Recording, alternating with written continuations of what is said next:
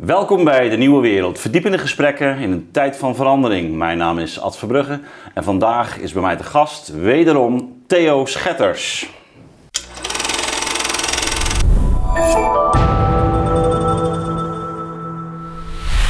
Dag Theo, Dag Ad. fijn dat je er weer bent. Ja, en we hebben mooi weer meegebracht. Wat dacht je? Corona is voorbij, eh, je kan weer eh, vakantie gaan vieren? Ja, dacht ik een jaar geleden ook. Ja, ja. Maar eh, dat is het niet. zegt niet alles. Nee. Ik heb begrepen dat jullie een stichting hebben opgericht. Ja. Biomedische Rekenkamer. Wat is de gedachte daarachter? Nou, de, kijk, als je kijkt naar wat er dus de afgelopen jaren gebeurd is, ehm, dan komt de overheid met, met, met cijfers, met data, waarvan wij zeggen van we zouden graag mee willen rekenen. Eh, om te kijken of die onderbouwing van het beleid wat hier eh, eh, uitgevoerd wordt, of dat die wel klopt. En dat is heel moeilijk om dat te krijgen. We willen dat gestructureerder gaan doen. Dus we hebben een stichting opgericht, de Biomedische Rekenkamer. En met het doel om dus de getallen, eventueel via WOP-verzoeken, eh, als ze dus niet gewoon ge- gedeeld worden, om die binnen te krijgen. En dat we dan zelf de analyses kunnen doen met Clubje Rekenaars. Met wie, met wie eh, doe je dat? Dus eh, dat, doen, het is eigenlijk een soort eh, spin-off uit de Groene Rekenkamer. Die houden zich bezig met eh, hoe wordt het eh, milieubeleid met name onderbouwd. En de secretaris daarvan is Cyril, Cyril Wensel. Dus die eh, is eh, bij ons de voorzitter. Dan heb je ja, nog andere namen, Victor Koekoek, Sanne Burger. eh. en ik zit in de raad van advies. Oké. Waar dus ook eh, Jan Grandjean in zit en, eh, en Pieter. ehm, achternaam ben ik even kwijt. Maar goed, de website en alles is klaar, dus daar staat Ja. de meeste informatie op. We zijn dus eh, begin van het jaar is dit opgericht en eh, we hopen dus eh, nu, dus ook in de toekomst, eh, een betere controle te krijgen of inzicht op de onderbouwing van het beleid. Daar En, en het feit dat je een stichting bent, geef je dan ook meer eh, mogelijkheden, ook juridisch? Of, of maakt dat niet uit? Of- Dat geeft ons meer mogelijkheden, want we zijn dan dus een, een andere soortige juridische entiteit. En binnen de club eh, zijn er ook eh, juristen, dus eh, mocht het juridische aspecten aan zitten, dan hebben we daar ook de juiste mankracht voor binnen. Ja. Biomedisch eh, gaat dus niet alleen over corona, maar ik neem wel aan dat de, de hele ontwikkelingen rond corona en wat we de afgelopen twee jaar hebben gezien een heel belangrijke aanleiding vormt hiervoor. Dat is het, hè. Het is, het is een aanleiding, want ehm, nou, ten eerste, wij zijn natuurlijk niet zeker dat eh, het nu dan ook werkelijk afgelopen is met eh, de coronacrisis, zoals die genoemd wordt. Nee, maar, maar, maar maak je En- je zorgen? Ehm, voor, niet qua eh, medisch probleem, Mhm. maar wel hoe de overheid hiermee omgaat. Want als je dus de Kamerbrief van de Ernst Kuipers leest van van de Mhm. week, dan eh, staat daarin dat zij ehm, de noodwet eigenlijk om willen zetten, eh, dus wi- willen veranderen. De wet publieke gezondheid willen ze veranderen, Mhm. om dus die, van die noodwet af te komen. En ze gaan er dus bepalingen in de WPG opnemen, waarbij ze eh, COVID-19 noemen als eh, een aanziekte. Dat is al fout, hè, want de, Ja. de corona is geen aanziekte. Eh, nou ja, ze- zeker eh, al hoe die zich heeft ontwikkeld inmiddels. Hè? Bedoel, eh, Zeker.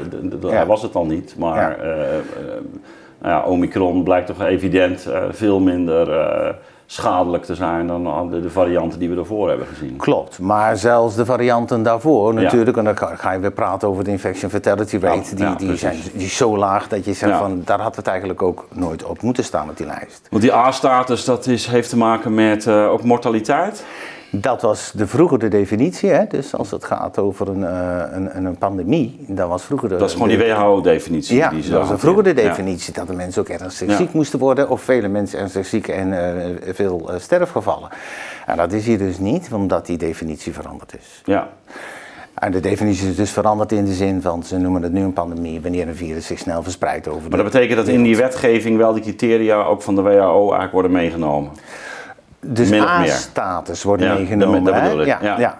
Dat is één. Het tweede is waar ik mij druk over maak, is dat ze zeggen van eh, deze bepalingen in die wet, die kunnen geactiveerd worden, ook als er een dreiging van een pandemie is. Maar daar heb ik een groot probleem mee, want een dreiging is een heel subjectief gevoel. De ene is ergens, snel ergens bang voor en de andere is niet snel ergens bang voor. Dus nu wordt er op een gegeven moment bijvoorbeeld gezegd van ja. Maar laten ze dat verder onbepaald? Want je kunt toch zeggen van ja, een dreiging zou je voor een deel ook objectief kunnen definiëren. Wanneer je ziet dat er uh, bijvoorbeeld in, in, in andere landen een bepaald aantal sterfgevallen is rond, rond een virus. Laten ze, het, laten ze die dreiging echt onbepaald. In de Kamerbrief staat hij niet gespecificeerd. Mm, ja, dat is behoorlijk gevaarlijk. Dus dat vind ik link. Ja. want dus de dreiging is nu dat mensen bij wijze uh, nu zeggen van ja, maar je weet niet of dat Omicron nu, uh, die zo besmettelijk is, uh, evolueert naar iets wat erg virulent is, erg dodelijk. En stel je voor dat dat gebeurt. Nou, dat is dan dus het definiëren van een dreiging, waarbij ik denk van ja, maar ik ben het daar helemaal niet mee eens. Ja. En wie gaat dan bepalen of dat die dreiging gerechtvaardigd is? Ik vind dat een gevaarlijke ontwikkeling. Ja, krijg je een soort voorzorgbeginsel. Uh, Wat tegelijkertijd natuurlijk ook uh, nou ja, het, het, handelen eigenlijk diffuus maakt. Hè? Of de grond, de legitimiteit van uh, dat ja. handelen.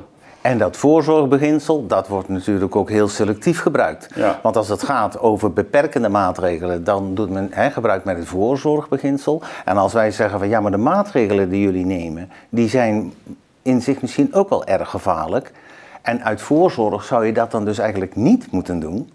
Ja, op die manier wordt niet gedacht. Nou heb ik wel de indruk, ik weet niet hoe jij er tegenaan kijkt, dat met name ook uh, de afgelopen maanden door, door Omicron, maar ook omdat er natuurlijk toch meer gegevens naar buiten komen, dat de, de sceptisch met betrekking tot uh, de, de effectiviteit van die maatregelen uh, of de, de wenselijkheid van die maatregelen, ook in het licht van eventuele bijverschijnselen, dat, dat die toch is toegenomen. In ieder geval bij de bevolking, denk ik. Um, vermoed ook wel bij een deel van de, van de, van de politiek. Um, dat men niet meer zo snel zal besluiten, bijvoorbeeld om de scholen dicht te gooien, omdat toch wel evident is gebleken, eh, gebleken dat dat, uh, nou ja, uh, met name onder de jongeren, hele, ja, toch ook, ook, ook zware schade aan kan richten in hun ontwikkeling die nog doorwerkt, hun hele leven lang, zelfs bij de sociaal zwakkeren nog meer dan, dan bij die, degenen die wat meer bemiddeld zijn. Dus denk je niet dat er iets meer terughoudendheid zal zijn?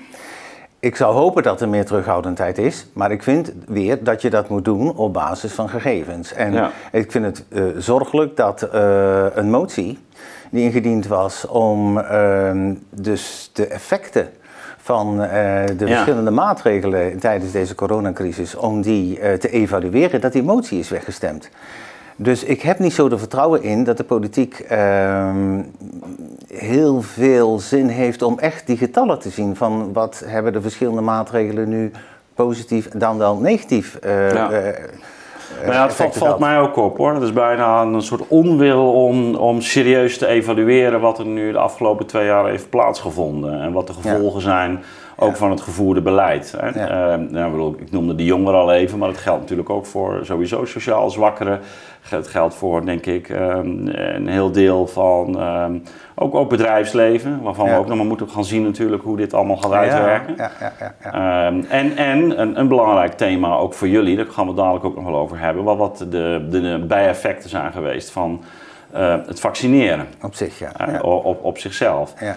Uh, dus, dus goed, ehm, het najaar, dan gaat het griepseizoen weer beginnen.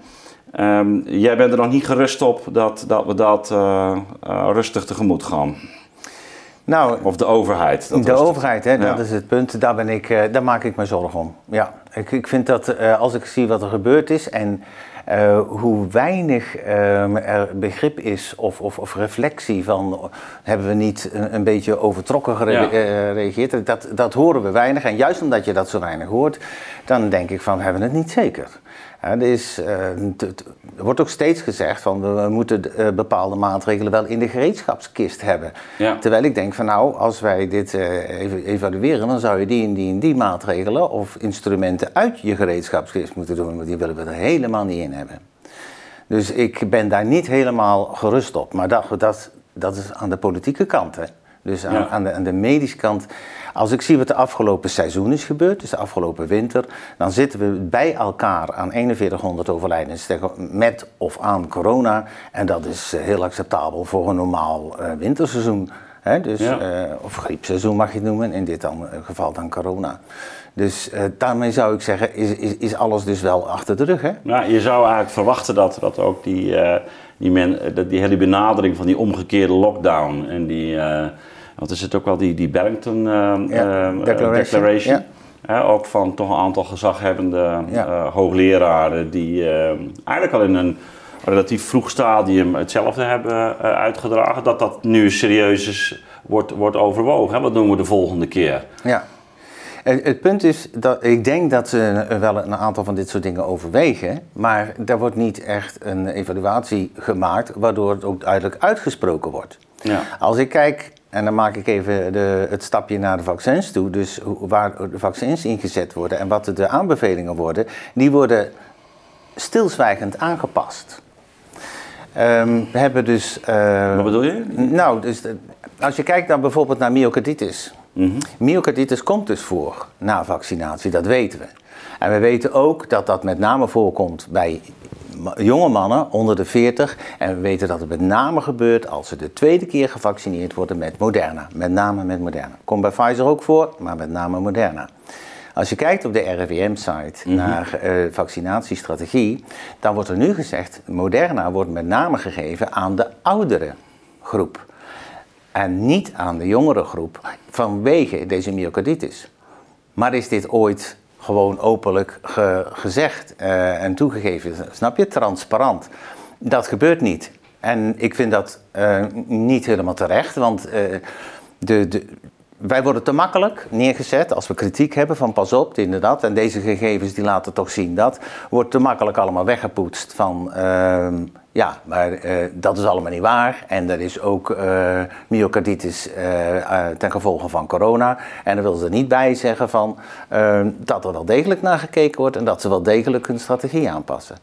Dat is eerder gebeurd met AstraZeneca. Dus vorig jaar toen men begon met AstraZeneca in Scandinavië, kwamen de Noren al heel snel met het bericht van wij hebben hier Ja. dus eh, mensen gevaccineerd en we hebben hier 23 sterfgevallen waar wij sterk het vermoeden hebben dat dat ten gevolge van de vaccinatie Dat was toen in, de- in, in die verpleegtehuizen. Precies. Ja. En toen is dus dat aangepast en gezegd van oké, AstraZeneca, dat moeten we misschien niet meer aan eh, dat soort oudere mensen geven.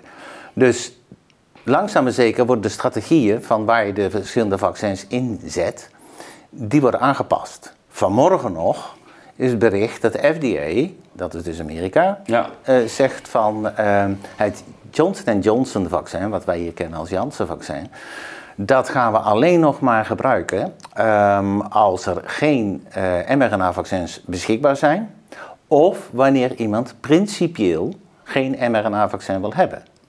En waarom zeggen ze dat? Omdat zij hebben eh, de sterfgevallen geanalyseerd na het eh Janssen-vaccin. En ofschoon dat weinig sterfgevallen zijn, eh, vinden zij toch dat daar een risico zit. Dat ze zeggen van, dan kunnen we beter mRNA-vaccins geven dan het Janssen-vaccin. Ja, ja over die schadelijkheid gaan we het zo nog hebben. Ja. Het punt was nu inderdaad, je zegt van er is eigenlijk weinig openlijke eh, ja, gedachtenwisseling op dit moment eh, over wat, wat eh, de, eh, de, over, ja, de belangrijke redenen zouden kunnen zijn om zo- zo'n vaccin al dan niet toe te dienen. Maar dat staat niet op zichzelf. Hè? Want jullie hebben eigenlijk zelf ook een, nou, een aantal dingen aangekaart. Je hebt ook artikel geschreven, onder andere met, met, met Ronald Meesteren. Ja. Ook waar het gaat om ehm, eh, mogelijke oversterfte. Ehm, je- je- jouw grote bezwaar is ook dat er rond, rond zeg maar, de publieke eh, openbaarheid, waar het gaat om die cijfers, eigenlijk eh, weinig eh, nou ja, betrouwbare ma- materiaal naar buiten wordt gebracht. Of, of, Ja. of, of niet naar buiten, misschien moet ik dat zeggen. Precies, het wordt niet naar buiten gebracht. Hè? Want ik, ik ga ervan uit dus dat de getallen die we krijgen, dat die betrouwbaar zijn. Daar ga ik vanuit. Maar we missen gegevens. Ik weet niet of je dat herinnert, maar eh, najaar is op een gegeven moment gevraagd van wij willen weten van de mensen die op de IC's liggen in het ziekenhuis, of dat die gevaccineerd zijn, ja dan nee. Ja. Waarop eh, Ernst Kuipers zegt van, daar heeft u niks aan. En dan denk ik van, ja, maar dit is toch geen antwoord, serieus. Hè? Ik bedoel, wij willen die cijfers hebben, wij willen daar gewoon een serieuze analyse op doen. En het is te makkelijk om te zeggen van, je krijgt ze niet, want ik bepaal dat jullie daar niks aan hebben. Dat, dat is een, die onwil die daar zit, die, eh, daar moeten we dus vanaf. En ik vind ehm, dat de uitstraling die dat heeft, dat de overheid zegt van, we gaan jullie die gegevens niet geven, dat maakt het verdacht. Dan ga je denken van, ja, maar weten jullie dan iets wat wij niet mogen weten? Begrijp je? Ja, ja nou ja, ik, ik, ik noemde ook weinig betrouwbaar, omdat in bepaalde gevallen er toch wel zo met die cijfers wordt geschoven dat, dat je echt de vraag kunt stellen of, of het nou weergeeft wat men echt claimt. Hè? Ja. Ik bedoel, daar heb ik met Jona Walk natuurlijk ook over gehad. Eh, voor zover er dan cijfers naar buiten kwamen, bleken die Ja. bijvoorbeeld rond het aantal eh, gevaccineerden dat alsnog was opgenomen in het ziekenhuis of op een Ja. IC terecht kwam, dat dat, dat toch eigenlijk heel weinig eh, helderheid over bestond. En dat, dat, dat er ook die, die cijfers toch wel, laten we zeggen, zo waren ingezet dat dat veel gunstiger uitkwam voor degene die eh, vaccinatie propageerden. Precies, dat, dat aan die Ja. kant. Hè. En ehm, ja, ik zat net iets te denken, maar dat ontschiet me eventjes. Ehm komen we later wel op terug. Ehm, ja, het ging om de duiding. Ja. Dus de, de cijfers die zijn er dus op een gegeven moment. Want CBS die zegt Ja. op een gegeven moment we hebben zoveel sterfgevallen. Hè? En als het eh, buiten een bepaalde bandbreedte zit, dan noemen we dat oversterfte. En dan wordt er gekeken in zo'n rapport van waar, waar zijn in een jaar, eh, afgelopen jaar allerlei mensen aan overleden. Wordt er dus eh, de doodsoorzaak daaraan gekoppeld. En zo duidt men op een gegeven moment dat er heel veel mensen overleden zijn aan corona. Maar men zegt er niet bij Ehm, dat er eh, 9000 mensen minder overleden zijn aan hartkwalen, aan bepaalde longziekten enzovoort. Er staat al in het rapport van dat er iets van substitutie is. Met andere woorden, dus in plaats van dat ze de sticker hebben gekregen van een, aan een hartaanval overleden, hebben ze de sticker gekregen van aan corona. Ja, ja, ja. Dat, is, dat is dat bekende verschil van eh, overlijden aan corona of overlijden met corona. Ja, maar mijn punt is dus, Ad, eh, die, die duiding van... eh, Die- de- die de- getallen. Ja, van op, op basis waarvan doe je deze uitspraken, geef ons, ons deze getallen. En dat was toen dus bij het analyseren van hoe erg de corona-epidemie eigenlijk is. Maar nu zitten wij dus met van, wij willen nu weten, een jaar lang eh, vaccins gebruikt, hoe zit het nu met eh, de, de bijwerkingen, ehm, eventueel sterfte, maar ook, want daar praat men veel te weinig over, de ernstige bijwerkingen. Want vanmorgen heb ik het LAREP-site nog even gecheckt. Daar staan dus gewoon 5300 eh, meldingen van ernstige bijwerkingen. En dan moet je denken dat dat inhoudt ehm, ziekenhuisopname of eh, invaliditeit of eh, dood. Dus de sterfgevallen zitten daarin. En die duiding van of dat nou het gevolg is van vaccinatie of niet, eh, die, die zie ik nergens. En ik denk dat is wel gek, want het gaat wel over 5300 mensen. Waarbij je ook nog moet weten dat zo'n rapportagesysteem, eh, dat op basis van vrijwilligheid is, altijd een onderrapportage is. Ja. Als je de Duitsers hoort hè, van de week eh, van Charité, van het grote eh, ziekenhuis, ehm, dat is ehm, professor Mattes, die zegt van het is 40 keer zo hoog dan wat er eigenlijk gerapporteerd wordt door het eh, Paul eh, Ehrlich Instituut.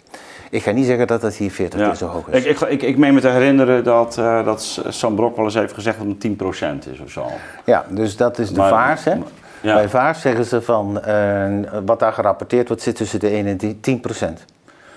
Ehm, ik, ik, nogmaals, ik kan niet Maar zeggen... ja, dus zelfs als je die marge van 10% neemt, eh, in, dit geval, dan, dan, ja, dan zou je het nog over een enorm aantal hebben, 50.000 of zo. dan Maar, heb je- ja. maar dat, dat, dat, dat weten we dus niet. Maar dat het, dat het aantal vermoedelijk nog een stuk hoger is, dat mag je gewoon rustig aannemen. Dat mag je aannemen. Hè? Ja. En dan kom je aan een, aan een hele eh, apart soort discussie. Want eh, als je zegt van nou, we hebben 5300 zeer ernstige eh, bijwerkingen gemeld. Of mensen met zeer ernstige bijwerkingen. We hebben 600 zoveel mensen gemeld gekregen die overleden zijn. Ehm, hoeveel, waar zi- zit de grens dat je op een gegeven moment zegt van jongens, dit, kun, dit, dit moeten we toch niet willen. En ik heb wel eens gezegd van eens voor dat 90% Laten we nou zeggen dat LAREP inderdaad alles gerapporteerd krijgt. En eens voor dat 90% gewoon daar helemaal niks mee te maken heeft. Dan zitten we toch nog met 10% van die 600. Dus er zijn er 60 mensen die overleden zijn ten gevolge van vaccinatie. Zijn dit voor ons acceptabele aantallen? Hebben wij, voeren wij zo'n discussie? Als, zeker als dit gaat richting een uh, verplichte vaccinatie, hè, daar is uh, ook sprake van geweest, dan sta ik op standpunt, daar moet het gewoon nul zijn. Het kan toch mm. niet zo zijn dat jij verplicht iets moet doen waarbij je een risico loopt dat je overlijdt. Dus dat soort discussie wordt niet gevoerd en de, de, de, de goede onderbouwing eh, van, van de gegevens, hè, dus uh, die, die hebben we niet. Nu, nu um, hebben we vorig jaar ook regelmatig met elkaar gehad over um, nou ja, toch wel de specifieke geestesgesteldheid uh, waarin mensen verkeerden. Um, Matthias de Smet uh, sprak in navolging van Gustave Le Bon ook al over een soort uh, massahypnose. Ja.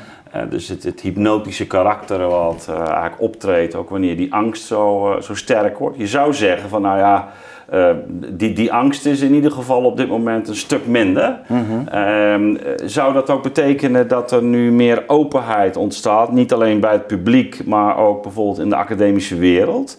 Om, om nou ja, toch op een wat, wat uh, andere manier naar die cijfers te gaan kijken dan een jaar geleden het geval was? Of, ja. of zijn dan toch de belangen te groot, staan reputaties op het spel? Uh, is het nog steeds een soort padafhankelijkheid, omdat mensen nou eenmaal voor één traject hebben gekozen. Hoe, hoe, hoe, hoe kijk jij daarnaar? Ah, wat ik, zo'n beetje het gevoel wat ik krijg uit de literatuur is dat uh, men wel degelijk uh, breder uh,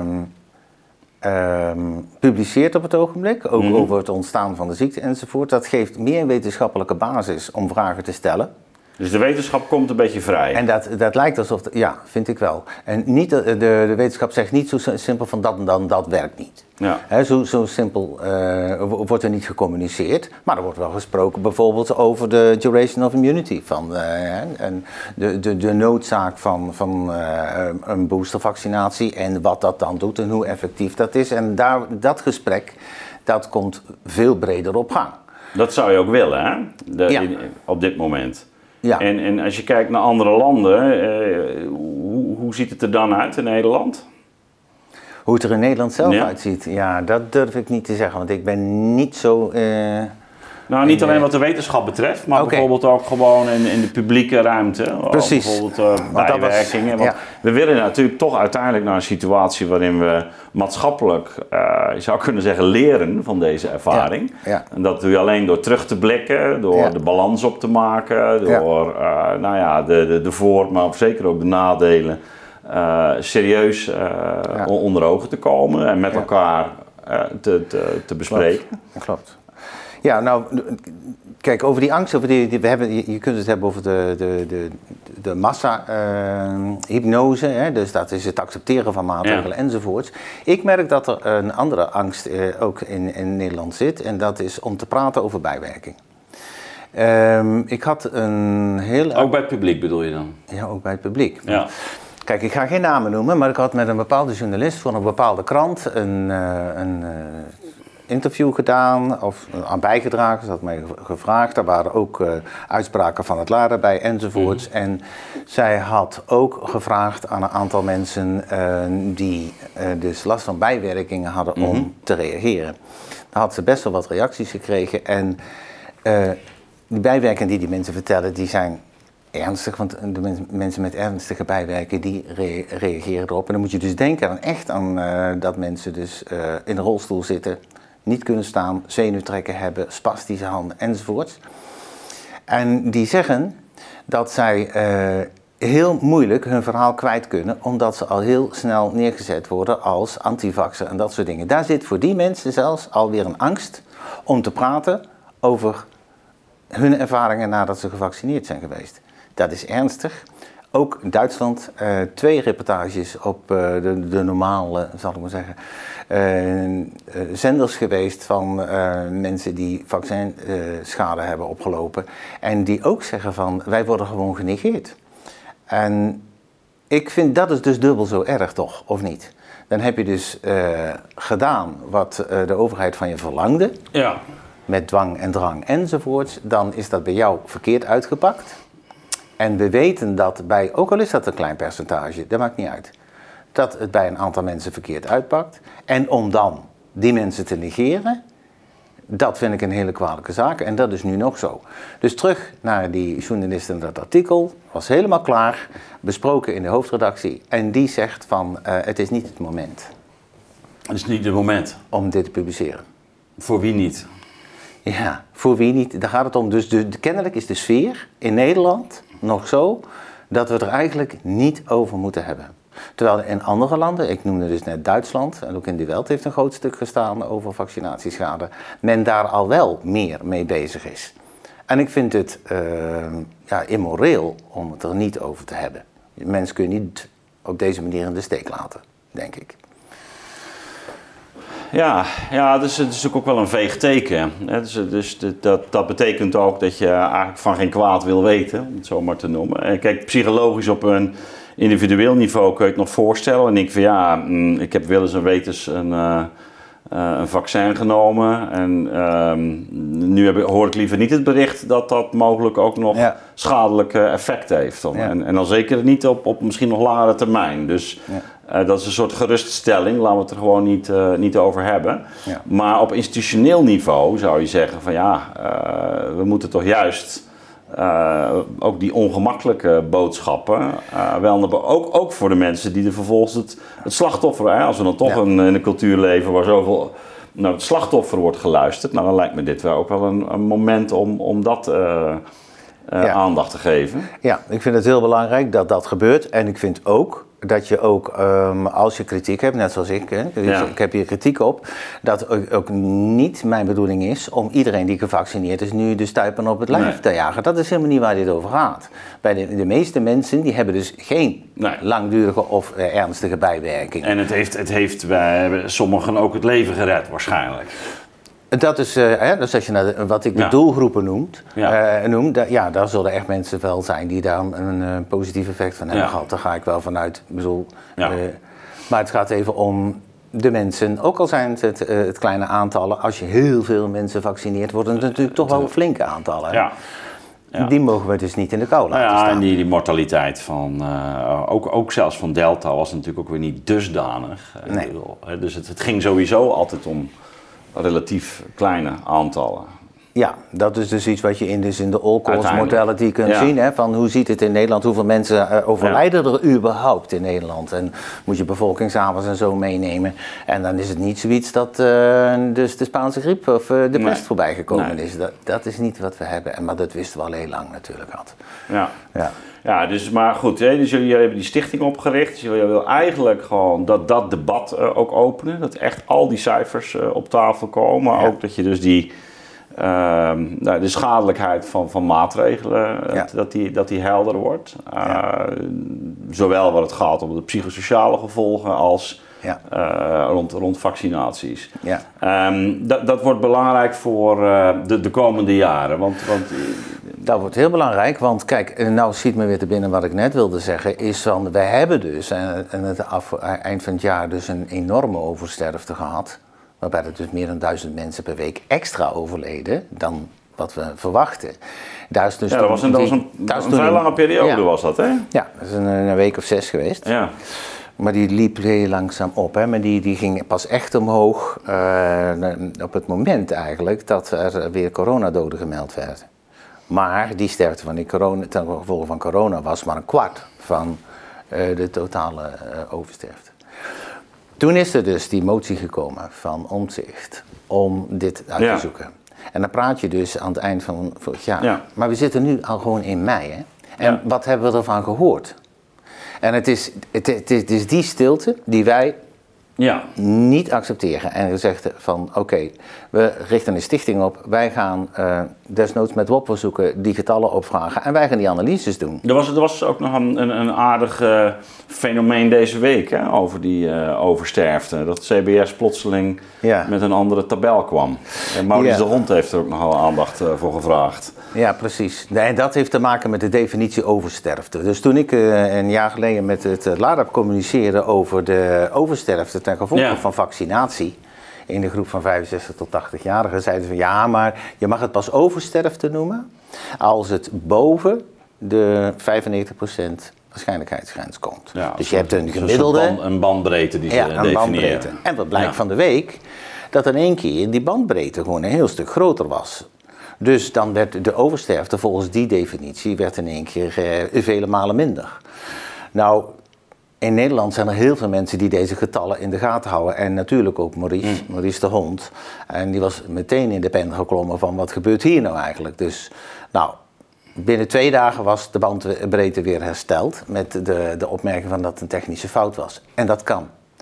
Maar als je vertrouwen wilt wekken richting jouw bevolking, dat je met de, de gegevens al, al heel zorgvuldig doet en, eh, en, en, en open en eerlijk communiceert, dan helpt dit daar niet bij aan hè, om dat vertrouwen eigenlijk ook voor een deel terug te winnen. Want er is heel veel kritiek op eh, de Nou ja, je zou ook zeggen, op, kijk, op het moment dat zo'n eh, nieuw, een nieuwe grafiek eh, tot stand komt en je ziet plotseling dat het zo aanzienlijk daalt, dan, dan moet er toch een belletje gaan rinkelen. Dat Ja. je denkt, van, hebben we misschien niet iets fout gedaan, eh, Ja. nu het zoveel, lager uitvalt. Dat, dat lijkt Ja. mij eigenlijk de normale reactie. Dat lijkt mij ook. En, en, en sterker nog, als wij van onze kant iets doen, dan wordt het drie, vier keer eh, eh, herberekend. Deel ik het ook met andere mensen van kijk jullie eens naar, maak ik geen fout. Weet je wel, want dat kunnen we ons niet veroorloven. En, want dan worden we meteen van de Ja. tafel geveegd. Nou, maar er is, er is natuurlijk een risico dat eh, partijen die eh, heel erg, eh, nou, nou, laten we zeggen, vaccinatie of bepaalde maatregelen hebben gepropageerd, dat die het liefst wel hun eigen straatje schoonhouden. Hè? Ik bedoel, dat kun je ook, ook psychologisch nog wel enigszins begrijpen. Ja. Je zou zeggen, een overheid heeft nou juist tot taak om te zorgen dat de waarheid boven taal komt. In idealiter. Ja. Dat zou je willen, hè? Ja. En, en dus, kijk, we hebben wel eerder gezegd van eh, we hebben vaccinatieschade in de zin van eh, fysieke schade, Ja. dat iemand ziek wordt. Maar het effect dat dit heeft op de bevolking als het gaat over überhaupt vaccinatie. Op de acceptatie, zal ik maar zeggen, van het, het, het, Rijksvaccinatieprogramma. Ik denk dat je dat daar ook gaat zien. En ook bijvoorbeeld bij eh, screeningen, ehm, bevolkingsonderzoeken, dat mensen daar terughoudend in worden, omdat eh, men in de gaten krijgt van het lijkt wel of dat de staat onze hele gezondheidszorg eh, op zich neemt en ons gaat dicteren. Dus we worden getest op dit, we worden getest op dat. Nu worden we dan getest op, eh, op de aanwezigheid van een bepaald virus. nou ja, al- al- En al- dat heeft consequenties. Als het al de staat is, hè? je kan ook zeggen, misschien is de staat zelf ook wel een uitvoeringsorganisatie geworden van grotere belangen. Dat kan. Hè? De, van een, een, hè, om eh, toch, toch in die terminologie te spreken van een, ehm, een, een, een netwerkwereld. Hè, waarin eh, de overheid eigenlijk ook gewoon een, eh, een van de spelers is die ook in, dat, in die netwerken eh, zijn opgenomen. En in dit geval wel een belangrijke, want ze kan natuurlijk eh, Zeker. door haar zwaardmacht en eh, het geweldsmonopolie kan ze natuurlijk allerlei zaken afdwingen. Ja. Hè, maar, maar, maar we weten natuurlijk niet precies eh, hoe dit soort mechanismen. Je, wil, je refereerde al even aan het WHO. Eh, ehm, nou ja, Bill Gates heeft natuurlijk ook net eh, weer een, een, boek het licht doen zien. Waarin hij zegt hoe we de volgende pandemie tegemoet moeten treden. En daar toch een verregaande bevoegdheid ook van dit soort medische netwerken. Ja. Ja, kijk, wat ik daar dus vreemd aan vind, eh, de, dus de rol van de WHO in de zin van alle macht naar zich toe trekken en wij gaan bepalen wat er in Ja. alle landen gaat gebeuren, die rol is een stap te ver. Dat de, de WHO een coördinerende functie zou, zou hebben. Dat lijkt mij- dat lijkt me en, alleen maar en goed, dus me goed. praat ja, met, Ja. met, met de, Ja. de, de, de instituten van de, individuele landen. Dat, dat zou een logisch iets zijn. Hè? Maar niet om zelf de, de macht naar zich toe te trekken en zeggen van wij gaan bepalen hoe dat er dan omgegaan moet worden met een pandemie. Ehm, ik denk zelfs dat het ook een beetje flauwekul is, want er zijn hele grote naties die hier werkelijk niet aan mee gaan doen. Als je ziet dat India zegt van nou, eh, de, de, het Hoge Rechtshof heeft daar gezegd van verplichte vaccinatie is eh, eh, onconstitutioneel. Dat kan gewoon per se niet. Dus die gaan niet meedoen. Ja, ja de, de ironie is ook nogal dat, dat eh, eh, Gates een, een erg een pleidooi houdt voor het, de modelleurs. Hè, die eh, eigenlijk in een heel vroeg stadium al, eigenlijk al hun modellen in de Ja. zouden moeten werpen. En we hebben afgelopen jaren wel gezien hoe succesvol dat is geweest. Hè? Ja, Dat is, dat is een beetje men vraagt en wij draaien eh, Ja. modelleren geweest wat daar gebeurde. Kijk, ik zelf eh, gebruik modellen meer om eh, gedachten te ordenen over van, ehm, hoe dat processen zouden kunnen lopen.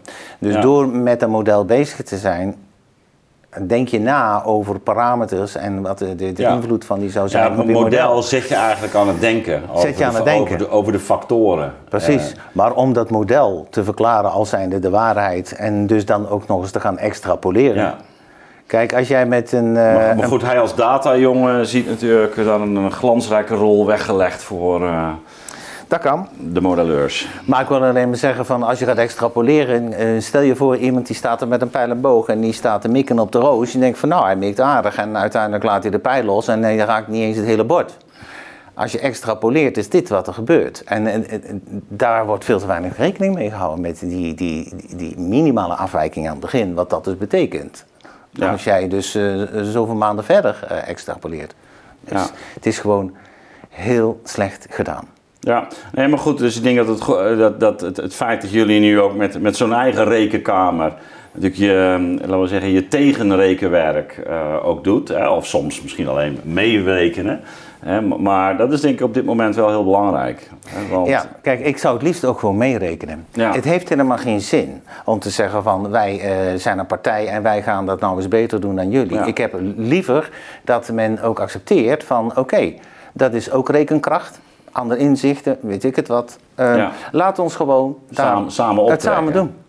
Want waarom altijd tegen elkaar? Dat, eh, daar ben ik eh, geen voorstander van. Ik, liever samen, maar wel open en eerlijk. Ja. Eh, Theo, ehm, we hebben er al een paar keer aan geraakt gedurende dit gesprek. die bijwerkingen, ook rond vaccinaties. Nou, jij hebt al in het eerste gesprek eh, bij mij, eh, wanneer zou het geweest zijn? Ik denk anderhalf jaar geleden of zo. Hè, heb, je, heb je toch behoorlijk je zorgen geuit ook over met name die eh RMNA-techniek. Ja. En ehm, eh, ik zag toevallig deze week een onderzoek van een, ehm, een Deense hoogleraar, Ben was het, Ja, ze? ja. Ja. Eh, die ehm, eh, precies op dit punt eigenlijk eh, ja, ook wel haar zorg uitspreekt. Ja. Dat is heel interessant wat zij doet. Ehm, zij werkt eigenlijk in Afrika. ja, dat begreep ik. Ze heeft ook een onderzoek naar mazelen gedaan. Hè? Ja. En zij kijkt met name naar ehm, als je een bepaald vaccin inzet, ehm, wat voor effect heeft dit op de all-cause mortality? Dus, Ja. hè, want je denkt van oké, dus weer een polio of weet ik het wat, en dan gaan daar overlijden kinderen. Dus eh, wat doet dat? En omdat je niet altijd, ehm, hoe zeggen, je kunt niet altijd goed de, de diagnose stellen daar, zeker in dat soort landen niet. Dus all-cause mortality hou je dan in de gaten. Maar in het onderzoek heeft zij gevonden dat bepaalde vaccins die je gebruikt hele goede effecten hebben. Maar dat Ook was onder het- andere dat mazelen. eh, Ja. eh, dat bleek eh, eigenlijk te leiden tot een, een lagere stijf, sterfte Precies. überhaupt. Niet alleen voor mazelen, Ja. maar ook voor, al de, voor verschillende andere aandoeningen. Precies. En dat is dus heel interessant. Heeft ze ook een eh, keurige zo'n eh, TED-talk over gehouden. En dus het was voor hun niet zo vreemd om te gaan onderzoeken van hoe zit dat dan nu met eh, de coronavaccins die gebruikt worden. En Ja. zij vergelijkt dan dus de all-cause mortality in groepen die dus met mRNA-vaccins zijn gedaan en degene die met de vectorvaccins zijn gedaan. Dus Ja. je vergelijkt dan dus eigenlijk Va- eh, Pfizer Moderna met AstraZeneca. Ja. En wat komt daar dan uit? Daar komt uit dat op die all-cause mortaliteit er geen verschil is in die groepen die met mRNA-vaccins zijn gevaccineerd, maar wel in de groepen die vectorvaccins hebben gehad. Ja. Daar is de all-cause mortality naar beneden.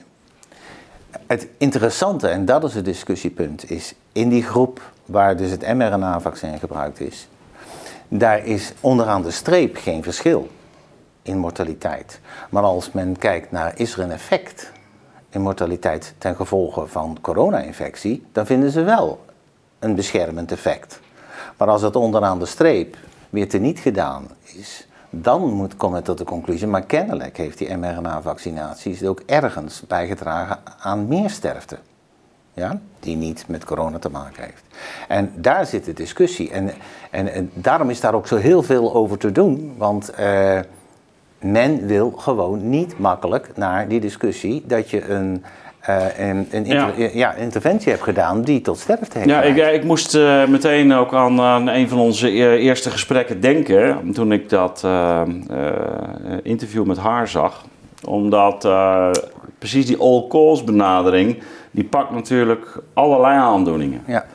Eh, en jij hebt er wel op gewezen, misschien kun je het nog eventjes terug, eh, eh, terugbrengen, dat toch die, die RMNA-vaccins een hele specifieke werkzaamheid hebben, die de kans juist op, een, op echt een waaierd aan aan aandoeningen vergroot. Hè? Ja. Dus het is een, eigenlijk door de te- technologie die is, eh, is Ja. ingezet. Misschien kun je dat nog even Ja. terughalen voor degenen die dat gesprek destijds Ja. niet gezien hebben. Ja, het punt is, en dat gaat dan dus met name om de vetten die gebruikt zijn om dat RNA in te pakken.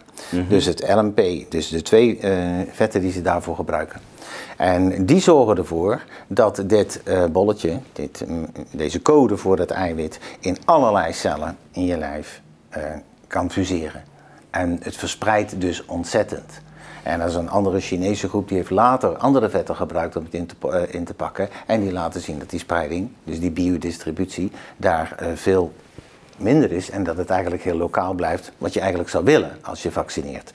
Oké. Nou, en omdat het nou zo spreidt, Dat heb je toen volgens mij nog niet op die manier. Nee, dat klopt. Nee, Want ja. dat van dat die is Chinezen- eigenlijk verklaringsmechanisme dit, Ja. wat je nu vertelt. ja, en die Chinezen die... Wat, eh, jij zegt van, eh, het, was wel zo dat ze die, die, die spike-eiwitten eh, op allerlei plekken in het lichaam vonden. Hè? Ja. En, maar ik begrijp nu, zoals je het nu uitlegt, dat dat komt door die vetten die gebruikt zijn. Ja. Aha. Ja, door die vetten die gebruikt worden. Dus de biodistributie van het LMP en Mhm. RNA is, is, is, is wijd. Het gaat in het bloed en het komt in de lever, het komt in de milt, het komt in eh, eierstokken, het komt overal terecht. Ja. Ehm, ik ga niet zeggen dat het met name in eierstokken terechtkomt, want dan eh, krijgen we weer van allerlei mensen op ons, ons dak. Maar het gaat erom dat je dat niet wilt. En dat je ook kan begrijpen dat als het overal terechtkomt, dat je dus overal afwijkingen kunt krijgen. En dus bijvoorbeeld tinnitus, hè, dus oorsuizen ten gevolge van vaccinatie, is waarschijnlijk een, een bijwerking. Maar ook auto-immuun leverontsteking is ook een bijwerking. En zo kunnen we wel doorgaan, omdat alle organen meer of minder eh, geraakt worden door eh, dit vaccin. Je, je, je noemt er nu twee. Die, die- zijn inmiddels eh, ook, ook, laten we zeggen, onderkend als, als eh, bijwerkingen. Nou, nee, er zijn er meer onderkend. Hè. Dus Oké. myocarditis natuurlijk. Ja, is, de eh, myocarditis en- en sowieso. pericarditis, hè, die Ja. zijn natuurlijk heel duidelijk. Ehm, ja, er zijn er meer, Ad. Ik ken het hele lijstje nog niet. Het punt is dat... Maar het kan ehm, dus van alles zijn. Het kan van alles zijn. En men ziet ook van alles. Maar omdat het dus dan. ehm, ten eerste komen bijwerkingen. Ehm, niet massaal voor in de zin van dat eh 50% van de mensen dit soort bijwerkingen heeft. hè. Dat is dus niet het geval. Dus eh, het, het absolute aantal wordt dan, eh, is al minder. En als het dan ook nog eens verspreid is over allerlei verschillende soorten bijwerkingen, dan hebben wij dus moeite, statistisch Ja. gezien, om dat eh, boven water te krijgen en zeggen, wel zie je wel, dat is gekoppeld aan het vaccin. En als je ze allemaal bij elkaar zou kunnen optellen, Maar daarom is die all-cause mortality natuurlijk ook wel heel interessant. Ik vind de all-cause mortality is met name interessant omdat je dan onafhankelijk bent van iemand die zegt van Ja. dit komt daar en daar en daartoe. Je gaat gewoon over mensen die overleden zijn of niet. Ja. Maar dan pik je alleen maar de mortaliteit. Ja, En ik, het ook ik wil het ook willen ook- hebben over de 5300 Ja. mensen die in Nederland eh, eh, Precies, zeer ernstige bijwerkingen Ja. hebben gehad. Ja. En dat, dat varieert van alles en nog wat. Je kunt dat bij het LAREP opzoeken, want ze houden dat goed bij. Van eh, wat voor afwijkingen dit eigenlijk allemaal zijn. En dan zie je dus eigenlijk ook het probleem. Het interessante is nu, we hebben eigenlijk met eh, de hele ontwikkeling van de ICT hebben we zo'n instrument in handen waarmee je dit soort vergelijkingen eh, relatief makkelijk zou kunnen maken. Het is een kwestie van programmeren, om het Ja. zo maar te noemen. Ja. En dan kun je nou ja, met big data allerlei onderzoek doen. Ja. Ehm, nou ja, jullie gaan daar natuurlijk zelf ook een, eh, een begin mee maken. Ehm, maar dan moet je wel die gegevens dus krijgen. Ja, en een hele interessante bron eh, is ook. Maar, maar, maar ik, noem dat gaat zelfs zover dat je zou willen weten van nou, hoeveel mensen zijn er bijvoorbeeld met eh, leverproblemen opgenomen eh, in twee- 2021. Bijvoorbeeld, maar met name wat wij willen weten is van eh, wanneer is de vaccinatie gezet en eh, Mm. n- binnen hoeveel tijd eh, zijn die eh, bijwerkingen opgetreden. Want als je die link kan maken, we moeten dat nu per groep Ja. doen. We krijgen het nu van een groep. Ook mensen die overleden zijn. Dan zeggen ze van ja, de mensen zijn overleden en er werden, werden eigenlijk binnen een week werden ze gerapporteerd. Ja, dat is de groep.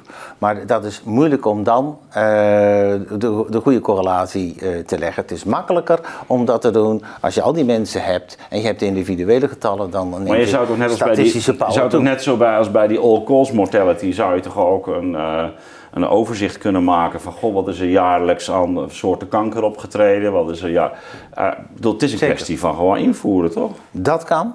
En dus dat wilde ik net zeggen met die tweede bron. Eh, Kijk, all-cause mortality is leuk, want dan Ja. heb je dus niet te maken met eh, iemand die die mortaliteit duidt. En zo is er ook wat die Duitsers op een gegeven moment gedaan hebben met de verzekeringsmaatschappij.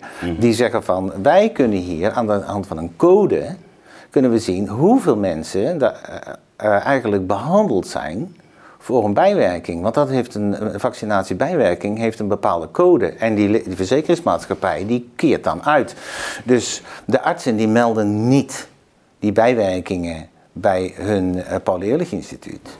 Maar die moeten wel hun acties Bij de declareren bij de verzekeraars. En Heb- dat doen ze. En Aha. dan blijkt van, ja maar Ja, wacht ja, eens ja, ja. even, er is hier veel meer aan de hand dan dat er eigenlijk bij het pij gedaan wordt.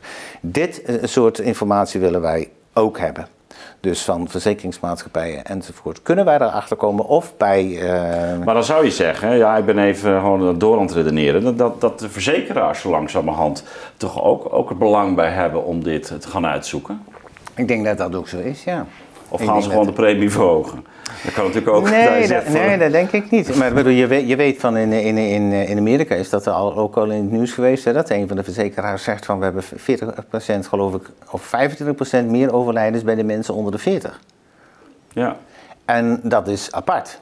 ja. En ze zeggen bij een grote calamiteit zou zoiets 10% zijn. Dat zou een grote calamiteit zijn. We zitten nu daar gewoon heel erg boven. Dus daar is iets aan de hand. Dus het, het aardige is, als jij zegt van Ja. eh, big data, veel getallen, eh, dat kunnen we toch eh, makkelijk uitrekenen tegenwoordig. Nou, via andere bronnen komen we ook aan, Ja, ja, aan ja, hele goede proxies, zal ik maar zeggen, van wat is hier aan de hand? ja. En goed, het zou allemaal niet no- nodig moeten zijn. Hè? Je zou eigenlijk gewoon moeten hebben dat, dat artsen de vrijheid voelen om te rapporteren van we hebben hier bijwerkingen. En eh, dus een ander punt wat iemand anders aangehaald heeft, en dat kan ook goed waar zijn, is dat ze zeggen van kijk, als je vergelijkt vaccineren voor een arts, dat levert geld op. Maar een bijwerking melden levert, levert geen geld op en dat kost tijd. Dus dat kost eigenlijk alleen maar geld. Dus ehm, Ja. hoe geneigd ben je nu om dat allemaal eh, te gaan melden? En natuurlijk, en ik begrijp het, uh, Ladeb zegt van wij proberen het zo laagdrempelig mogelijk te maken. Dat zal zo zijn, maar dan blijf je toch nog met dit effect zitten. Want gaat het allemaal maar invullen voor die ene patiënt. ja. Ja? Ja. Terwijl je ook nog weet dat eigenlijk de sfeer, de tendens is van doe niet zo moeilijk. En Dat hoor ik ook van artsen terug in, in, eh, in ziekenhuizen. Ja, Als maar ja, het er half, zijn, er eh, zijn ja. mensenlevens mee gemoeid, maar er, zijn ook, er is een heel levensverloop mee gemoeid. En, Ja. en we willen toch juist eh, eh, in een eh, samenleving waarin je mensen zegt met, met behulp van wetenschap te dienen, eh, Ja. wil je toch ook die waarheid gewoon boven tafel hebben. Tuurlijk. Want eh, let even op, hè. daar zit hier natuurlijk aan de kant van de vaccinindustrie zit er een verdienmodel. Ja, daarom. En dat, eh er zijn voldoende vaccins waarvan zij denken van daar kunnen wij Ja. op deze manier ook een slag slaan.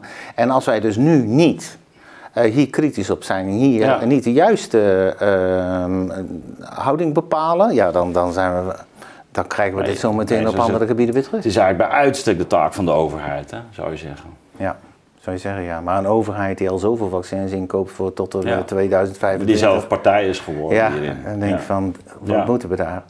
Dus, maar goed, kijk, de democratie werkt natuurlijk ook zo dat wij dus als, als burgers ook een rol spelen. Hè? Ik bedoel, ja, eh, ja. Nee, nee, daarom. Dus, en dat doe je heel goed. En we zitten nog niet in eh, Shanghai of China. Nee, eh, precies. Dus eh, de, de ruimte die er nog is, eh, moeten moet wij je, gebruiken. Die moet je Ja. gebruiken. Ja. Eh, Theo, we zijn eh, aan het eind gekomen. Wil jij zelf nog iets... eh, hebben we, heb ik iets overgeslagen?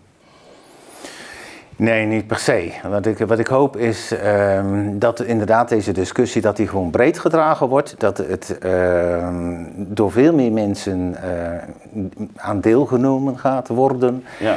Dat men uh, niet uh, in die valkuil trapt van, van, van schuld. Dat, dat vind ik niet. Iedereen, laten we er even vanuit gaan dat iedereen zijn best gedaan heeft, het beste heeft geprobeerd. En, maar je moet hier dus wel van leren. Ja. En dat moet echt gebeuren. En dan denk ik met name natuurlijk toch, want daar uh, maak ik me erg hard voor, voor degenen die dus ontkend worden, die werkelijk uh, ernstige bijwerkingen hebben. En die misschien hun leven lang daarmee gaan zitten. En uh, ja, dat kun je toch niet maken. Dus ik hoop toch dat mensen voldoende ja, gesterkt voelen om, om hier op een eerlijke manier op te reageren. Ja, nou heel goed dat jullie uh, dit doen. En wij blijven er aandacht uh, aan besteden. En ik hoop dat we elkaar over een maand of wat weer spreken, kijken hoe de vlag er dan bij hangt. Hopelijk hangt hey. je dan goed. Hey, dankjewel. Goed. Graag gedaan.